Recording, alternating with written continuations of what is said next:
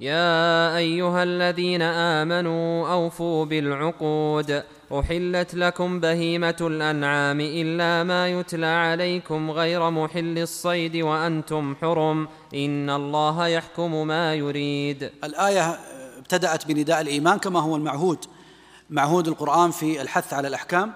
ثم قال تعالى أوفوا بالعقود. والعقد هو ما يكون بين آه، شخصين أو أكثر.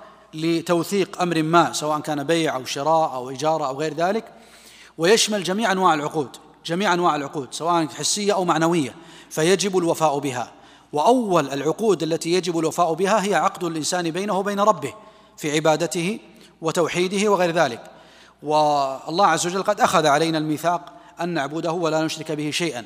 وكذلك العقود بين الناس سواء كانت عقود أفراد أو عقود جماعات أو عقود دول أو عقود مواثيق هذه يجب الوفاء بها ولا يجوز آه، آه، خرمها.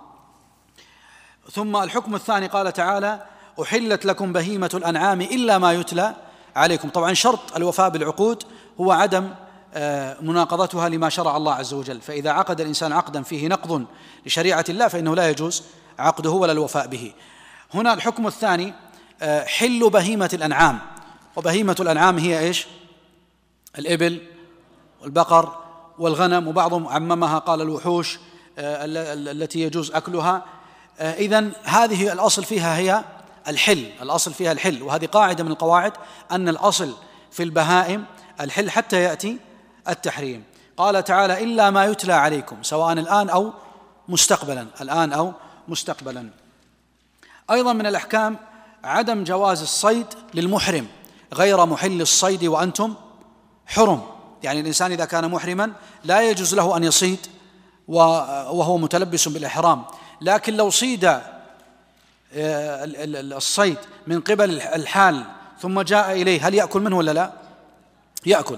يعني لو صاده الحال ثم جاء به إلى المحرم وأهداه إياه يجوز له أن يأكله. وهذا واقع في في السنة. نعم. يا أيها الذين آمنوا لا تحلوا شعائر الله ولا الشهر الحرام ولا الهدي ولا القلائد ولا آمين البيت الحرام يبتغون فضلا من ربهم ورضوانا وإذا حللتم فاصطادوا ولا يجرمنكم شنآن قوم أن صدوكم عن المسجد الحرام أن تعتدوا وتعاونوا على البر والتقوى ولا تعاونوا على الإثم والعدوان واتقوا الله إن الله شديد العقاب. الآية تحتمل عدد كبير من الأحكام ولكن أهم هذه الأحكام اولا تحريم الإخلال بالشعائر. تحريم الإخلال بالشعائر وهو من قوله تعالى لا تحلوا آه، ولا تخلوا يعني بشعائر الله. وشعائر الله عز وجل المعروفة آه، البيت الحرام ومنى وعرفات وغيرها من الشعائر عموما من آه، ما شرعه الله عز وجل للناس. لا يجوز الإخلال به ولا الشهر الحرام. لا يجوز الإخلال بالشهر الحرام والقتال فيه ولا الهدي ولا القلائد. يعني ما يهدى إلى الحرم أو ما يقلد لا يجوز التعرض له ولا يجوز انتهاك حرمته.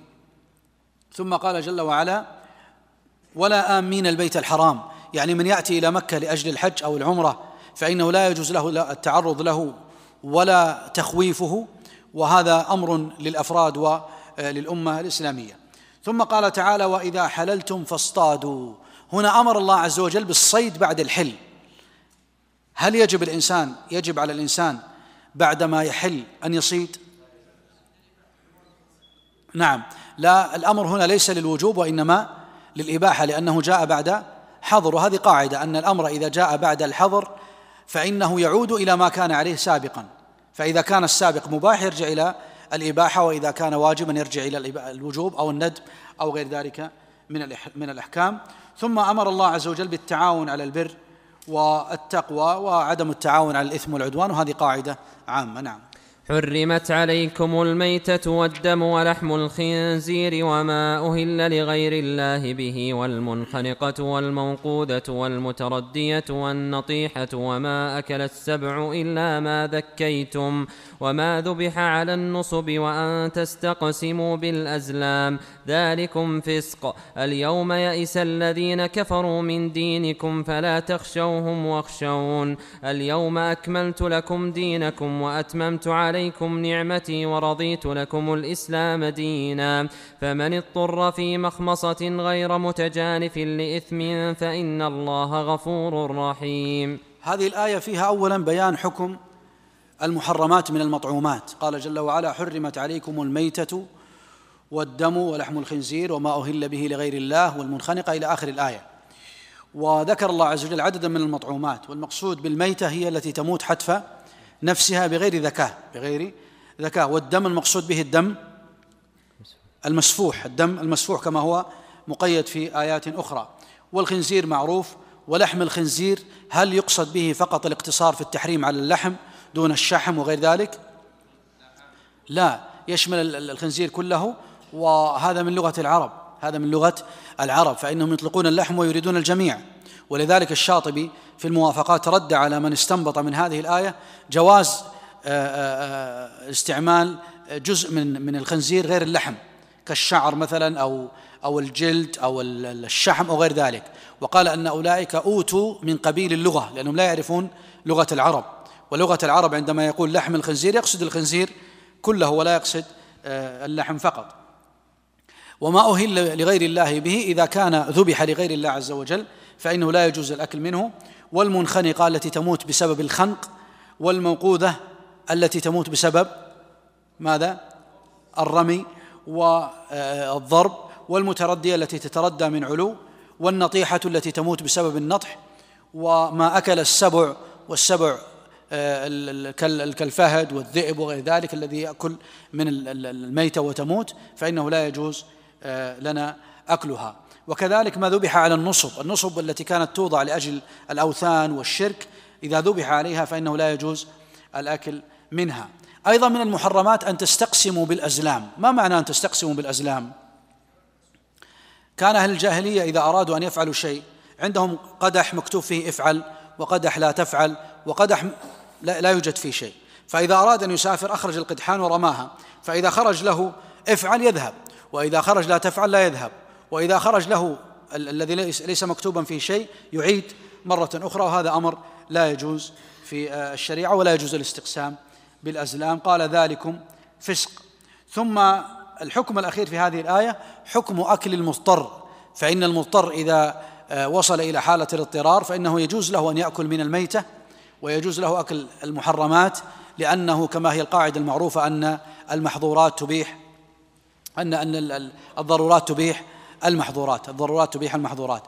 والحاجيات آه، آه، إذا احتاج الإنسان إليها أيضا يفعلها ولكن لا يصل إلى المحرمات. فالضرورات تبيح المحظورات في الشريعة كل ما حرمه الله عز وجل من المأكولات واحتاجه الإنسان كأن كان في فلاة وقطع الطريق به يجوز له أن يأكل من الميتة بقدر الحاجة. نعم.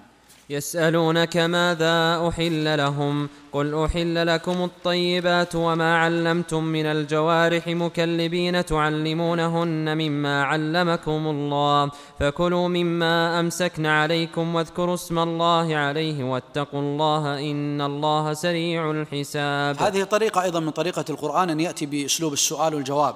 يسألونك عن الخمر والميسر يسألونك عن كذا ثم يجيب.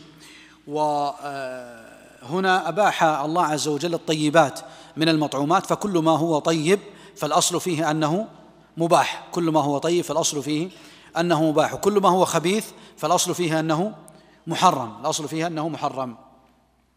أيضا أباح صيد الكلاب. أباح صيد الكلاب آه، آه، وهذه الكلاب وضع العلماء لها شروط شروطا كثيرة. من هذه الشروط قالوا أولا أن يكون معلمة وأن يكون المعلم مسلم وأن لا تكون كلابا سودا وأن لا يصيدها لنفسه الكلب لا يذهب الصيد لنفسه وإنما لغيره وأن يسمي الله عز وجل قبل آه، أن أن آه، يرسله.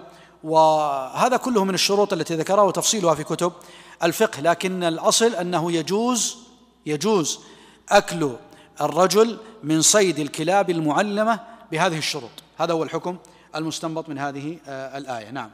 اليوم أحل لكم الطيبات وطعام الذين أوتوا الكتاب حل لكم وطعامكم حل لهم والمحصنات من المؤمنات والمحصنات من الذين أوتوا الكتاب من قبلكم إذا آتيتموهن أجورهن محصنين غير مسافحين محصنين غير مسافحين ولا متخذي أخدان ومن يكفر بالإيمان فقد حبط عمله وهو في الآخرة. الآخرة من الخاسرين. هنا أيضا الكلام عن المطعومات وأباح الله عز وجل الطيبات من الطعام وأضاف إلى ذلك طعام الذين أوتوا الكتاب يعني اليهود والنصارى فإنه يجوز للمسلم أن يأكل من من طعام اليهود والنصارى وهذا أمر مقرر في الشريعة وقد أكل النبي عليه الصلاة والسلام من طعام اليهود آه، في المدينة وفي خيبر كما هو معلوم.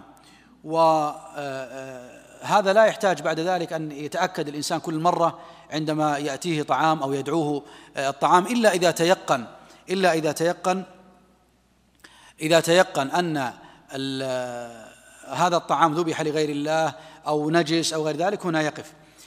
أيضا هنا أباح الزواج من الكتابيات أباح الزواج من الكتابيات المحصنات الحرائر المقصود بهن الحرائر وليس الإيماء. ثم ختم بقوله تعالى ومن يكفر بالإيمان فقد حبط عمله وهو في الآخرة من الخاسرين. أدخل هذه الآية لبيان أن الزواج من الكتابية ينبغي ألا يؤثر على الدين ألا يؤثر على الدين وأن يحرص الإنسان إذا تزوج الكتابية على أولاده الا ألا آه، يحرفوا عن الإسلام. نعم.